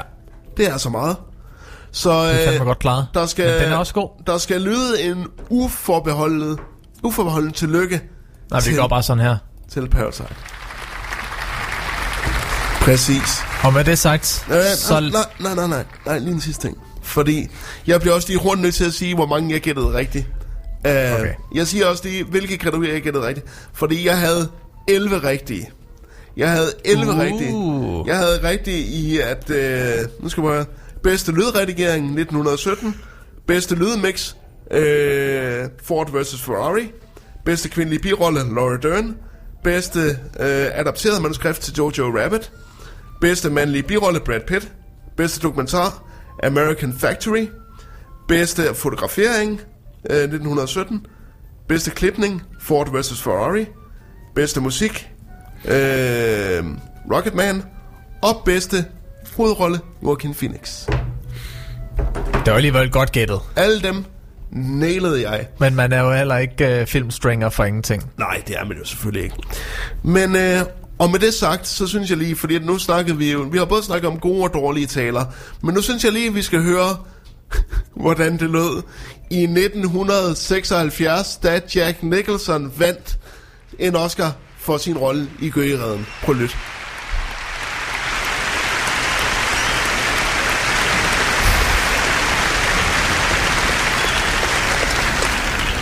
Well, uh, I guess this proves there are as many nuts in the academy as anywhere else. But uh,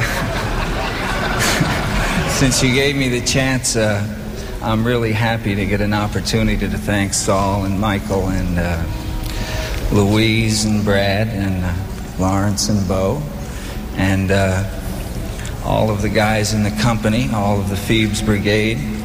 And uh, I'd like to thank Miss Pickford, who incidentally, I believe, was the first uh, actor to get a percentage of her pictures.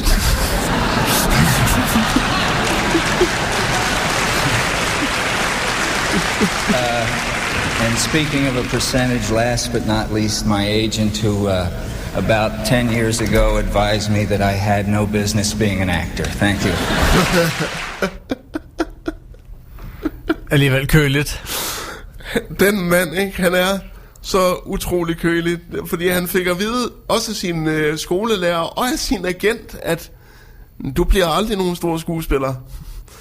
Den mest veltilrettelagte fuckfinger, man nogensinde kan give til nogen, det var Jack Nicholson i 1976. Jeg synes også bare, jeg synes det er en af de bedste oscar til nogensinde, fordi den indeholder en tak, og så indeholder det et øh, par gode øh, sting stik til selve industrien. Og med det, så bliver vi simpelthen Det nødt til at gå videre det til var vores Oscar-dækning. dagens sidst, næst sidste segment, som ja. er...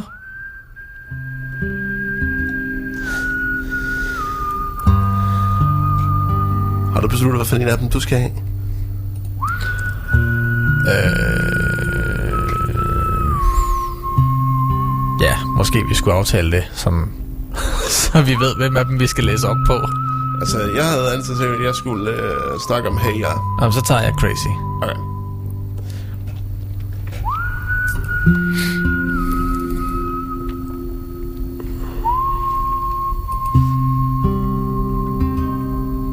Den musikalske standoff.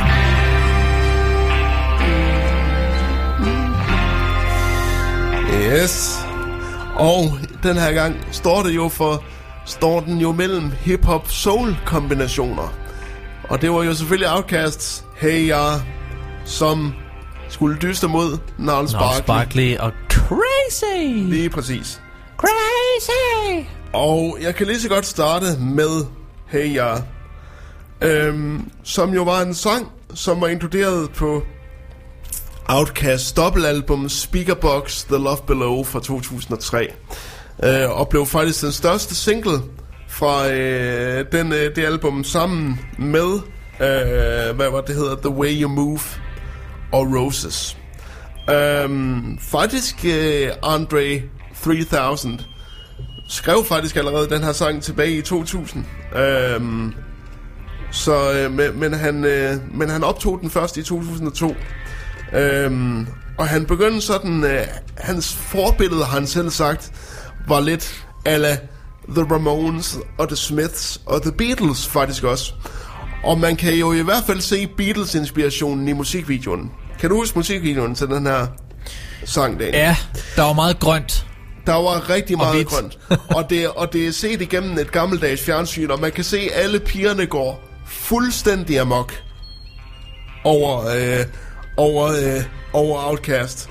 Og det minder jo utrolig meget om de scener, man så, når øh, Beatles gik live på scenen overalt i 1960'erne.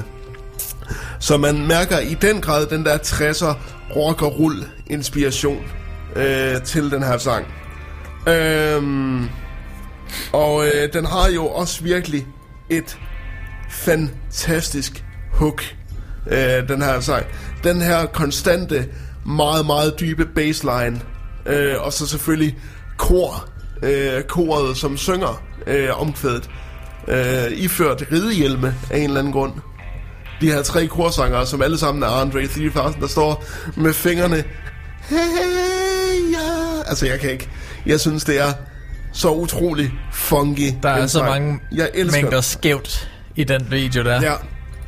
Og ikke nok, og ikke nok med, at den her sang var et stort hit. Den vandt sgu, den vandt sgu også en, øh, den vandt sgu også en Grammy. Og den var, ja lad os se, altså den var jo kraftedet med på øh, toplisten. Øh, den toppede øh, hitlisterne over det meste af verden. Og her i Danmark, der nåede den dog kun nummer to på tracklisten. Øh, men øh, både i Norge og i Sverige og øh, i, øh, i UK R&B og Billboard Hot 100 ramte den kraftede med også førstepladsen. Jamen, det er der ikke noget at sige Altså, til. altså, den er, altså, det er jo også en perfekt fusion af alt det, som hiphop kan, og lidt mere til. Og jeg synes, at det har Outkast altid været utrolig gode til. De har altid lavet hiphop, der forsøger at fagne andre genrer, men stadig med en solid hiphop grundsten.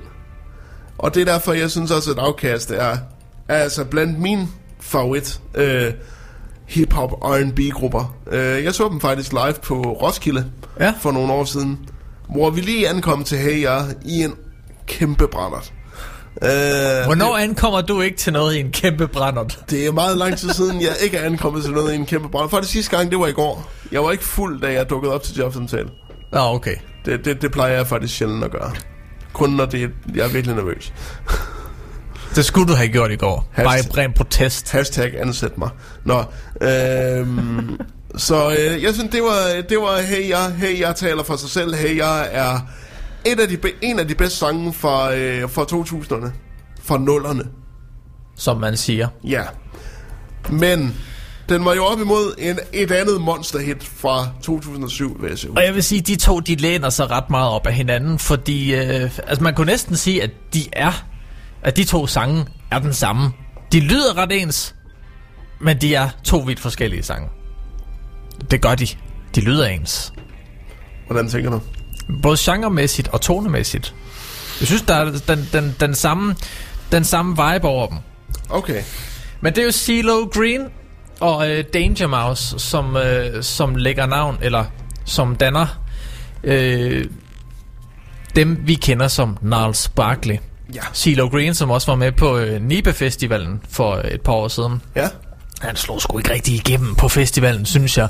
Til gengæld så slog han i den grad øh, igennem, da de i 2006, øh, altså, han og Danger Mouse, de øh, udgiver øh, en debutsingle, der hedder Crazy. Det gør de i 6, og den kommer med på albummet Saint Elsewhere. Ja. Og vi kommer altså øh, direkte på Billboard 100, Hot 100, på plads nummer to med den her sang. På plads nummer to? Det går virkelig stærkt. Altså, det er... Vi er... Øh, Altså, vi den, er altså den, den debuterede på plads nummer to. den, den kom... Den peakede. Den peakede, skal jeg lige huske at nævne. Øh, den debuterede ikke på, øh, på øh, 100 på nummer to, men den kom helt derop og ringe. Øh, og så har vi jo selvfølgelig spillet den til ukendelighed hjemme i lille Danmark. Ja. Og, øhm, og blandt andet i øh, øh, Storbritannien, Kanada og i Irland, New Zealand og, og mange andre steder. Altså, jeg kan jo i hvert fald ikke huske, når man øh, ikke kunne tænde en, en radio der i 6 og 7, uden en gang i timen, og ikke høre den her dung, dung, dung. I remember when, I remember, I remember when I Den lost my mind. Ja, ja, ja. Altid. Men man bliver, det, er, det er også en sang, man ikke rigtig bliver træt af. Ja, fordi at den gør ikke noget stort væsen, altså.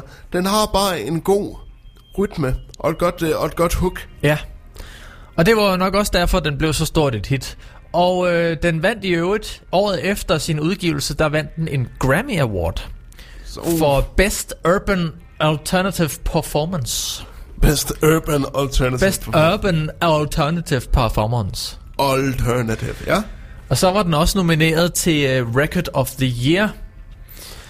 Okay. Øh, som, som den ikke vandt. Helt- Den var også nomineret i- til flere priser, blandt andet noget MTV Euro Music Award Ja. for Best Song kategori. Øhm, Skal vi...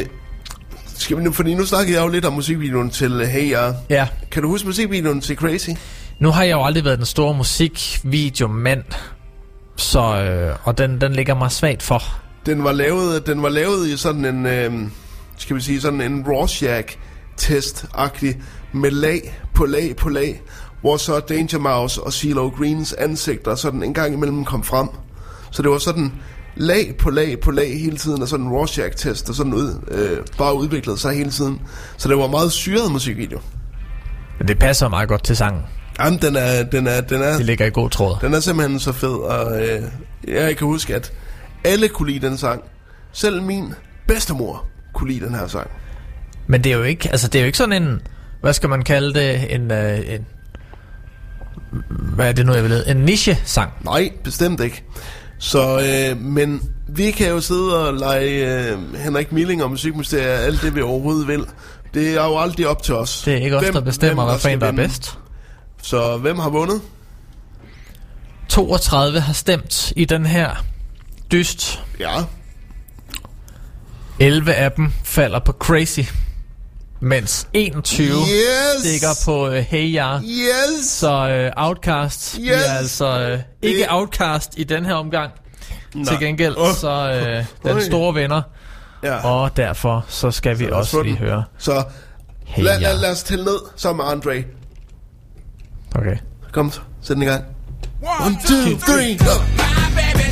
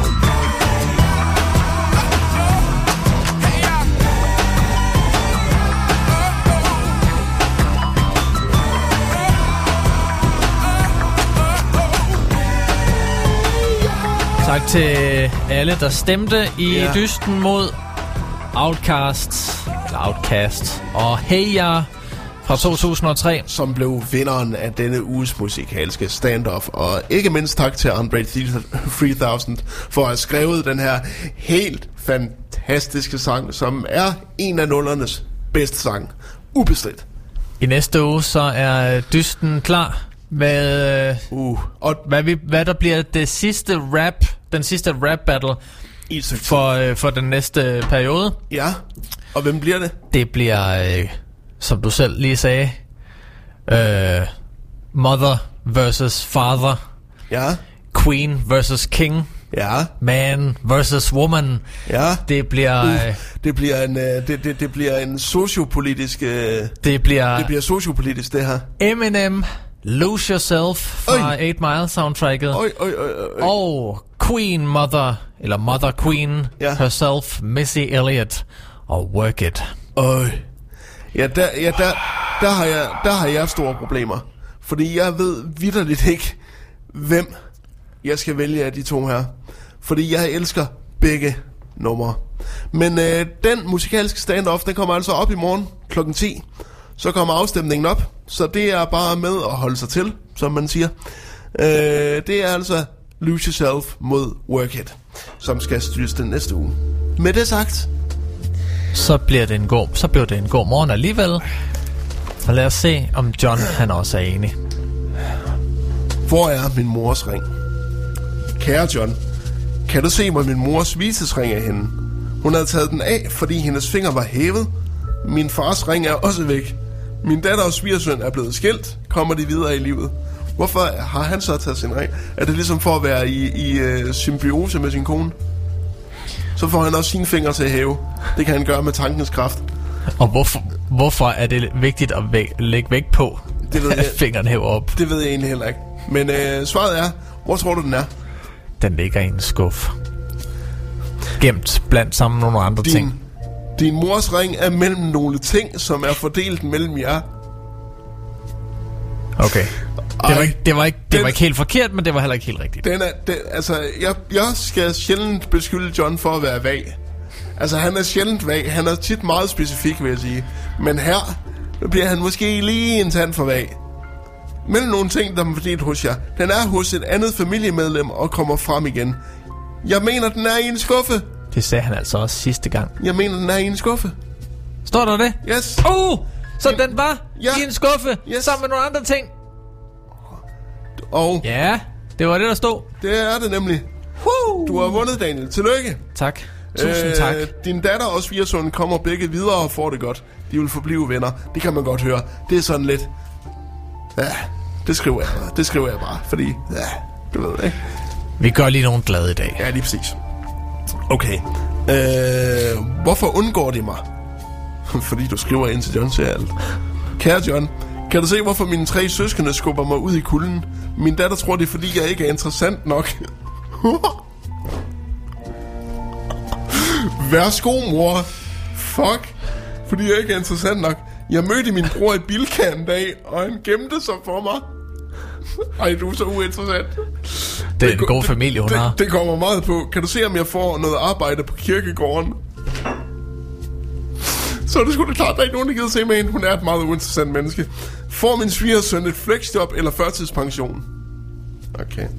Øh, det er bare nogle søskende... De er bare nogle søskende, der ses, men ikke har noget seriøst at tale om, og så er det nemt at holde dig udenfor. Så har de det sammen. Okay. Så hun kommer aldrig ind i sin øh, søskendekreds igen? nej. Okay, fint nok. Det lyder ikke sådan. Du vil Det blive... var et mærkeligt svar. Du, de er bare nogle søskende, der ses, men ikke har noget seriøst at tale om, og så er det nemt at holde dig udenfor. Så de har det sammen. Du vil blive mere ligeglad med det og finde venner andre steder. I vil dog få mere med hinanden at gøre, da de ændrer sig lidt. Og så Jeg- prøver jeg, at redde jeg, det. jeg, jeg synes godt nok ikke, at John, han er, han er, han er altså ikke... Det er altså ikke, han er ikke skarp i dag. Det er han altså Han ikke. er lidt træt. Du får job på kirkegården, og det er lige dig,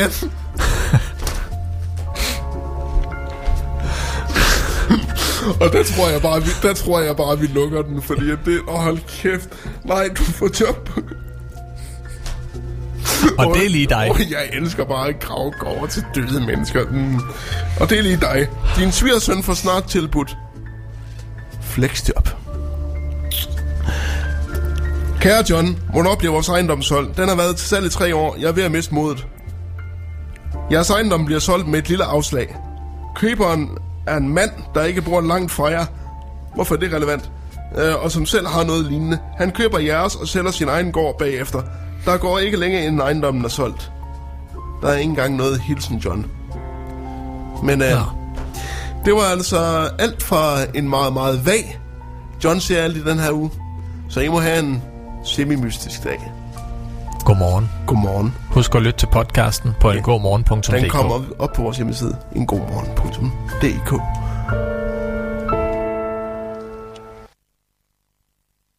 Og mit navn er Knud, er blevet smidt ud af tavn af steg, af gavn mi way.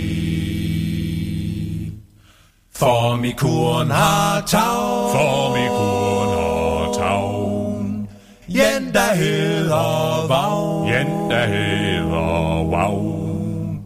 Han var mi bedste ven, han var mi bedste ven. Ham vil jeg da savn. Howdy, howdy, howdy, ho. Og hun har tavne børn,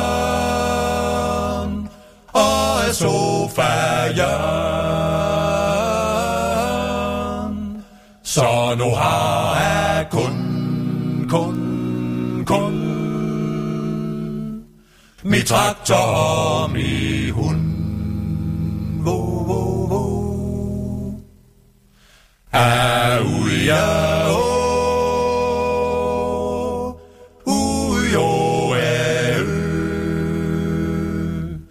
Mi traktor gik i stå. Og min hund er død.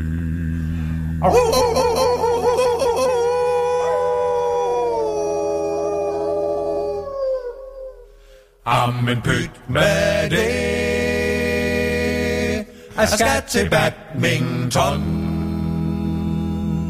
For Noel er well